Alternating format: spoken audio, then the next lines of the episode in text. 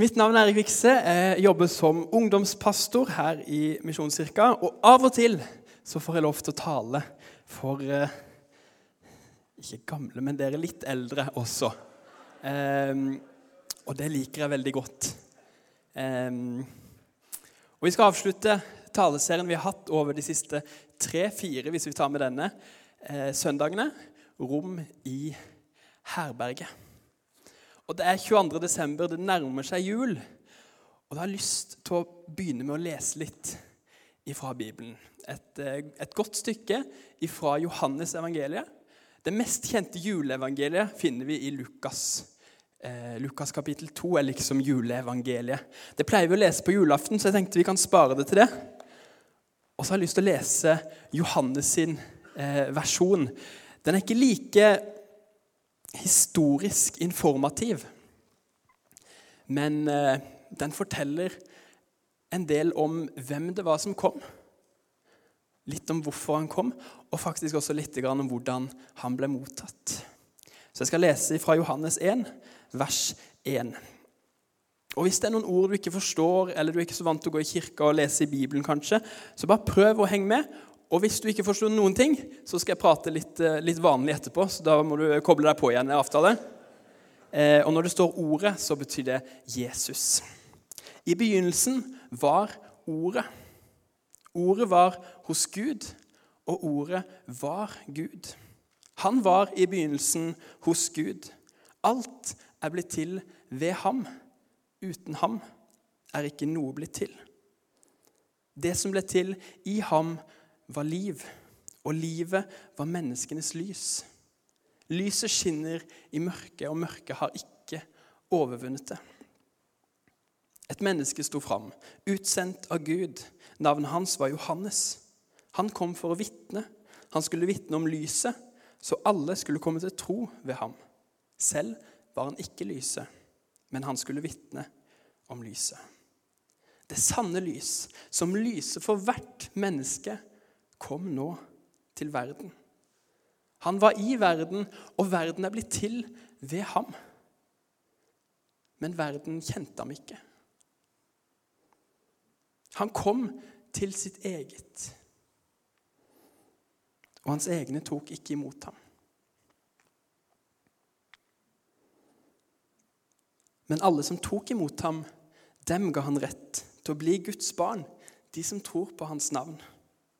De er ikke født av kjøtt og blod, ikke av menneskers vilje, og ikke av manns vilje, men av Gud.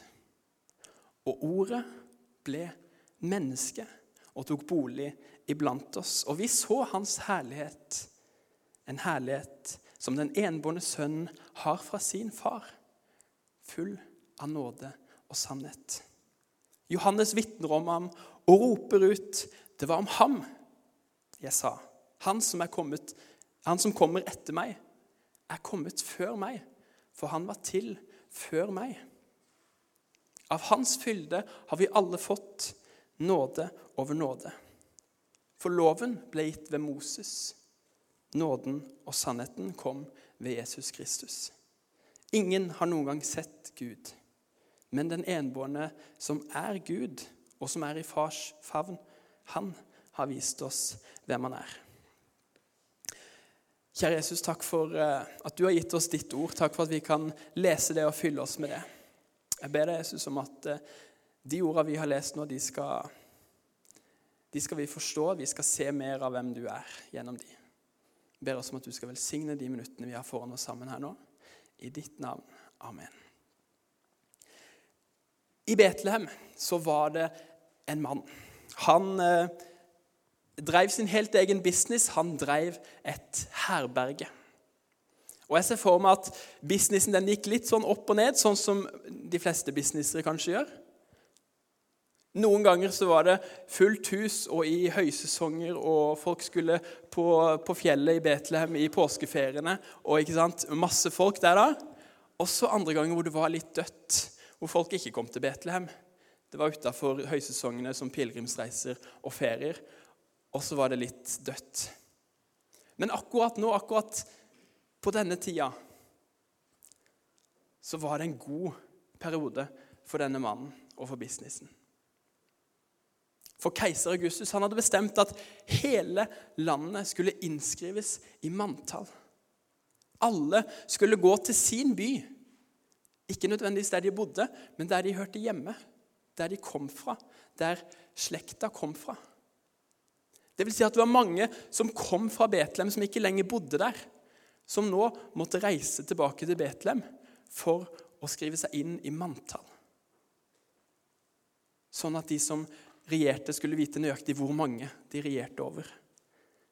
Så folk la ut på lange reiser, noen mot Betlehem, noen mot helt andre byer. Men for en herbergseier så var jo dette gull. Folk som ikke bodde i byen egentlig, kom til byen, og de trengte jo et sted å overnatte. Og Betlehem var også en sånn type by hvor folk av og til reiste gjennom. Så folk kunne jo stoppe der, ta seg en natt i herberget før de skulle videre på reisen. Så Jeg ser for meg herbergseieren stå og ønske folk velkommen inn. Står på utsida. 'Kom inn her, ledig rom. Det er plass i herberget mitt.' Og så fyller han på med familie etter familie, med folk etter folk. Og så er det sånn dollartegn i øynene hans. Dere ser det for dere? Han koser seg skikkelig. Liksom. Yes! Fullt hus. Dette går bra. Den nærmeste framtida er i hvert fall redda for meg og familien. Og Så nærmer det seg kveld og natt, og så banker det på døra. En siste gang. Han går ut og åpner opp, og der står det et ungt par. Jenta hun er høygravid, og det nærmer seg fødsel. Og de spør om han har et ledig rom. Nei, sier han. Her er det ikke rom i herberget. Og hvis du har lest juleevangeliet i Lukas 2, så vet du at Jesus han ble født i en stall. Han ble svøpt og lagt i en krybbe, for det var ikke husrom for dem. Det var ikke plass, det var ikke rom i herberget. Og så har jeg prøvd å tenke litt. Hva er det som gjør at en herbergseier sender et ungt par hvor jenta er høygravid, bare videre og sier at her er det ikke rom? Det er fort gjort å på en måte tenke at denne herbergseieren han var en tulling. Men det går jo på en måte an å forsvare nå.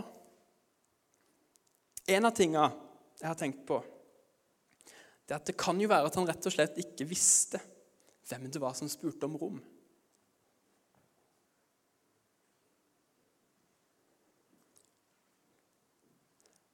Han var i verden, og verden er blitt til ved ham, men verden kjente ham ikke. Herbergseieren kjente ikke Jesus, han skjønte ikke hvem det var som kom og spurte om rom denne natta.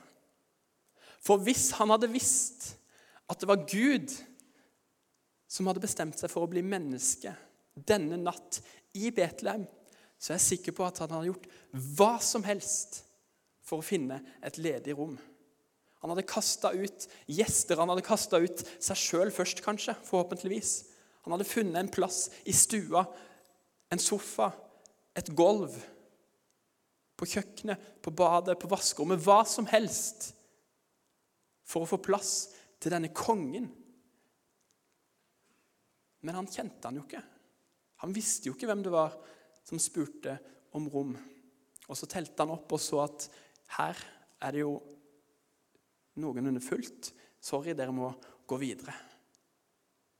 Hvis han bare hadde visst hvis han ikke hadde sagt nei til Jesus før han i det hele tatt hadde gitt han en sjanse, så hadde ting sett veldig annerledes ut. Kanskje kjenner du noen, eller kanskje er du her i dag, og du, og du har egentlig ikke gitt Jesus en sjanse, men du har allerede sagt nei til han.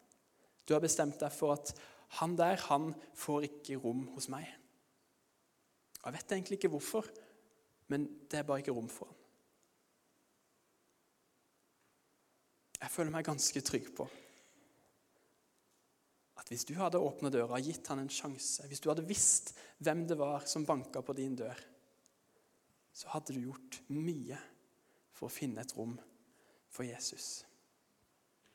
Men verden kjente ham ikke. Det kan også hende at denne herbergseieren visste veldig godt hvem det var som kom på besøk. Men det han hadde, det kunne umulig være bra nok for Gud. For alle de gode rommene var opptatt. og Han hadde bare et lite rom som ikke var støvsugd, ikke nytt sengetøy. Det var ikke klargjort for gjester der. Og i hvert fall ikke en konge, og i hvert fall ikke Gud. Nei, han vil nok få det mye bedre hos noen andre. Kanskje hvis jeg sender han videre, så finner han noen andre han kan sove hos. Noen bedre. Noen som hadde litt renere, litt finere. Noen som kan litt mer. De har litt flere talenter. Kanskje vi sier nei til Jesus fordi vi tror at Jesus egentlig ikke vil ta bolig i oss. Hvis han bare hadde visst alt det jeg har gjort. Ja, Han sier han vil det, det er veldig koselig, men, men han vet jo sjøl hvor dårlig jeg er på det her. Og hvor mye feil jeg har gjort. Gud fortjener så mye bedre enn meg, så jeg bare sender han videre.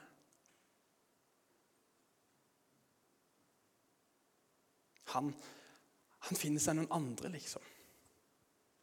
Det går bra. Jeg klarer meg.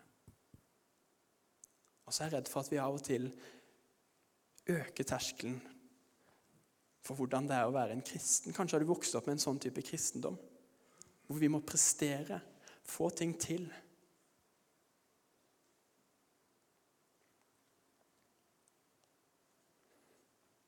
Men alle som tok imot ham, dem ga han rett til å bli Guds barn.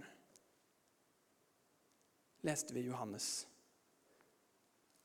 Det står ikke 'de som har støvsugd og nytt rent sengetøy'. Dem gir han rett til å bli Guds barn. De som har talenter, de som har penger, de som har en vellykka familie, dem gir han rett til å bli Guds barn.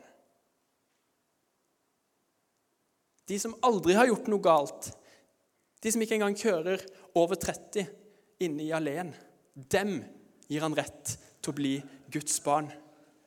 Jeg kjører forresten alltid 30 der. Det syns jeg alle andre bør gjøre. Det er mange som ikke gjør det. Det mener jeg. Det er en grunn til at jeg er 30 der, men vi tar ikke den nå. Men De som aldri gjør noe galt, som har levd et perfekt liv, dem gir rett til å bli Guds barn. Det står jo ikke det. Det står alle, uten unntak, som tar imot ham. Dem gir han rett til å bli Guds barn. I Efeserne kapittel 2, vers 8 til 10 så står det foran nåde er dere frelst ved tro. Det er ikke deres eget verk, men Guds gave. Det hviler ikke på gjerninger, for at ingen skal skryte av seg selv. For vi er Hans verk, skapt i Kristus Jesus til gode gjerninger, som Gud på forhånd har lagt ferdige for at vi skulle vandre i dem. Det handler ikke om hva vi presterer, om hvor rent vi har det, eller hvor mye vi kan, eller hva vi gjør og ikke gjør. Det handler om Gud som har kommet ned for at vi skal slippe å strekke oss opp. Gud og hans nåde og hans kjærlighet har kommet ned til vår jord. Og alle som tar imot ham, gir han rett til å bli Guds barn. Og så kan det jo også hende, og jeg tenker kanskje den mest sannsynlige grunnen til at Josef og Maria og Jesus i magen blir sendt videre, det handler rett og slett om at det var fullt. Ikke bare litt fullt, Ikke bare sånn fullt at han kunne jo lagd plass hvis han visste hvem det var. Eller det var et lederom, men det var ikke bra nok. Men det var stu fullt. Det var ikke plass til noen eller noen noe ting til. Ingenting. Stappfullt i alle rom, på kjøkken og i stua. Det sov fem folk i dobbeltsengene og tre folk i enkeltsengene. Det var så fullt at det var ikke sjans til å få pressa inn to til. Og i hvert fall ikke når hun ene var dobbelt størrelse som hun pleide å være. Det var ikke sjans i havet. Det var så fullt. Og så er det vanskelig å klandre en herbergseier for at herberget er fullt. For det er på en måte det han skal tjene penger på, det er det han skal leve av. Å få inn folk på sitt lille hotell. Gi dem et rom å sove på. Men så har jeg tenkt litt for min egen del hvor er det det blir raskest fullt i mitt liv? Det er dessverre ikke gjesterommet eller andre rom. Det er stort sett kalenderen min som er full. Og jeg fyller den opp med gode ting, og det er vanskelig å klandre meg for det. Men hvis Jesus hadde banka på døra på litt feil tidspunkt, så er jeg usikker på om jeg hadde hatt rom for ham.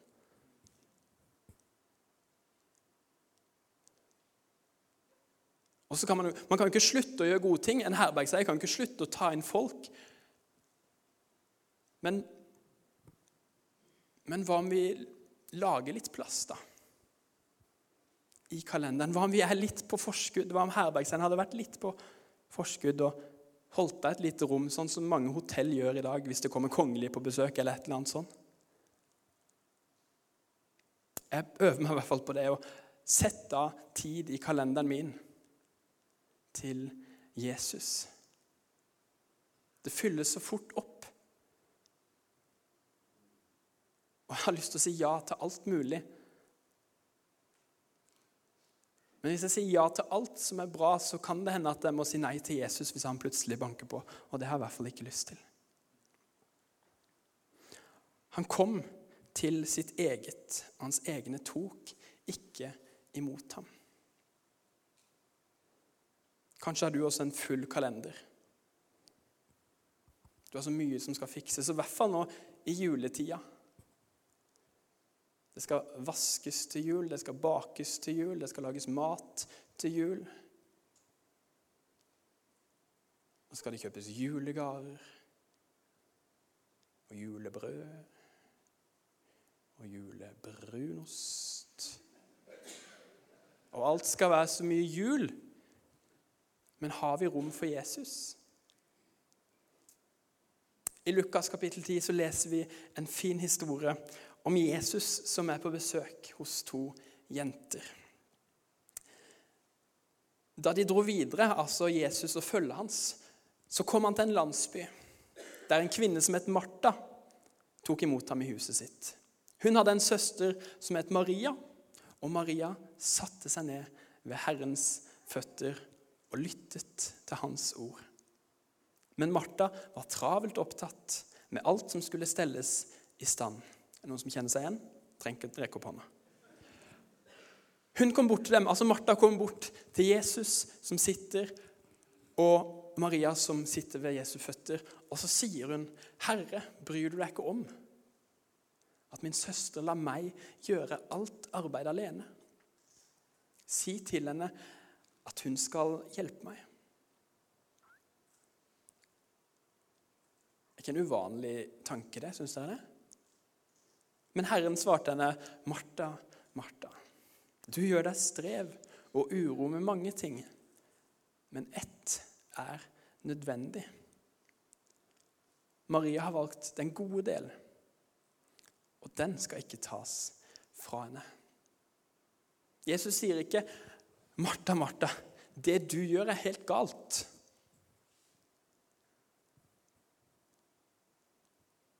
Men han sier at det er bare, det én ting av disse tinga som er nødvendig, og det er det Maria har valgt. Det er det eneste som er nødvendig. Og så er det ikke nødvendigvis galt å gjøre husarbeid. Det er ikke nødvendigvis galt å ta inn folk i herberget sitt. Det er ikke nødvendigvis galt å si ja til ting man har lyst til å være med på. Men hvis vi gjør det så mye at vi ikke har rom for det ene som er nødvendig, så tror jeg det blir galt. Hvis vi ikke har rom, hvis vi ikke har tid til å sette oss ned ved Jesu føtter og bare lytte til han, og bare være med han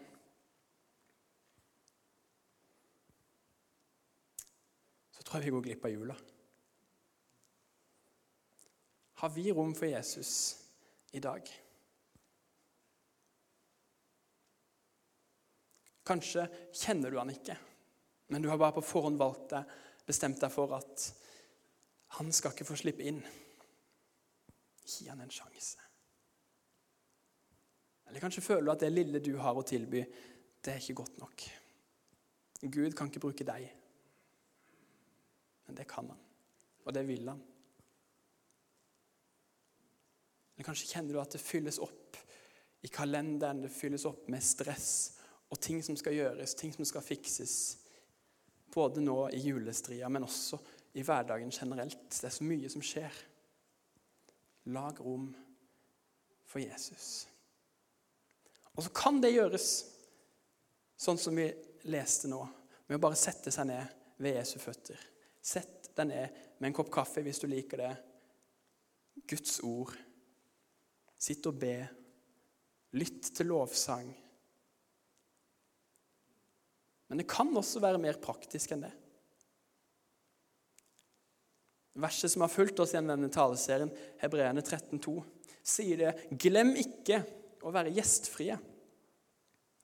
For på den måten har noen hatt engler som gjester uten å vite det. Jesus drar den faktisk enda lenger når han sier at det dere gjør mot disse mine minste, det har dere også gjort mot meg. Tid med Jesus kan se ut som det her. Å sitte i en stol og lese boka her. Og jeg anbefaler alle å gjøre det, selvfølgelig. Men det kan også være å åpne døra for andre mennesker. Det kan også være å gi noe av det vi har så vanvittig mye av. Det dere gjør mot disse mine minste, og da snakker Jesus om de hjemløse, om de fattige, om de som ikke har klær, om de som ikke har mat, om de som sitter i fengsel. Det dere gjør mot andre mennesker. Det kan også være kvalitetstid med Jesus. Har vi rom for Jesus? Jeg håper vi har det. Og Hvis ikke så håper jeg vi kan lage det nå i juletida og i året som ligger foran.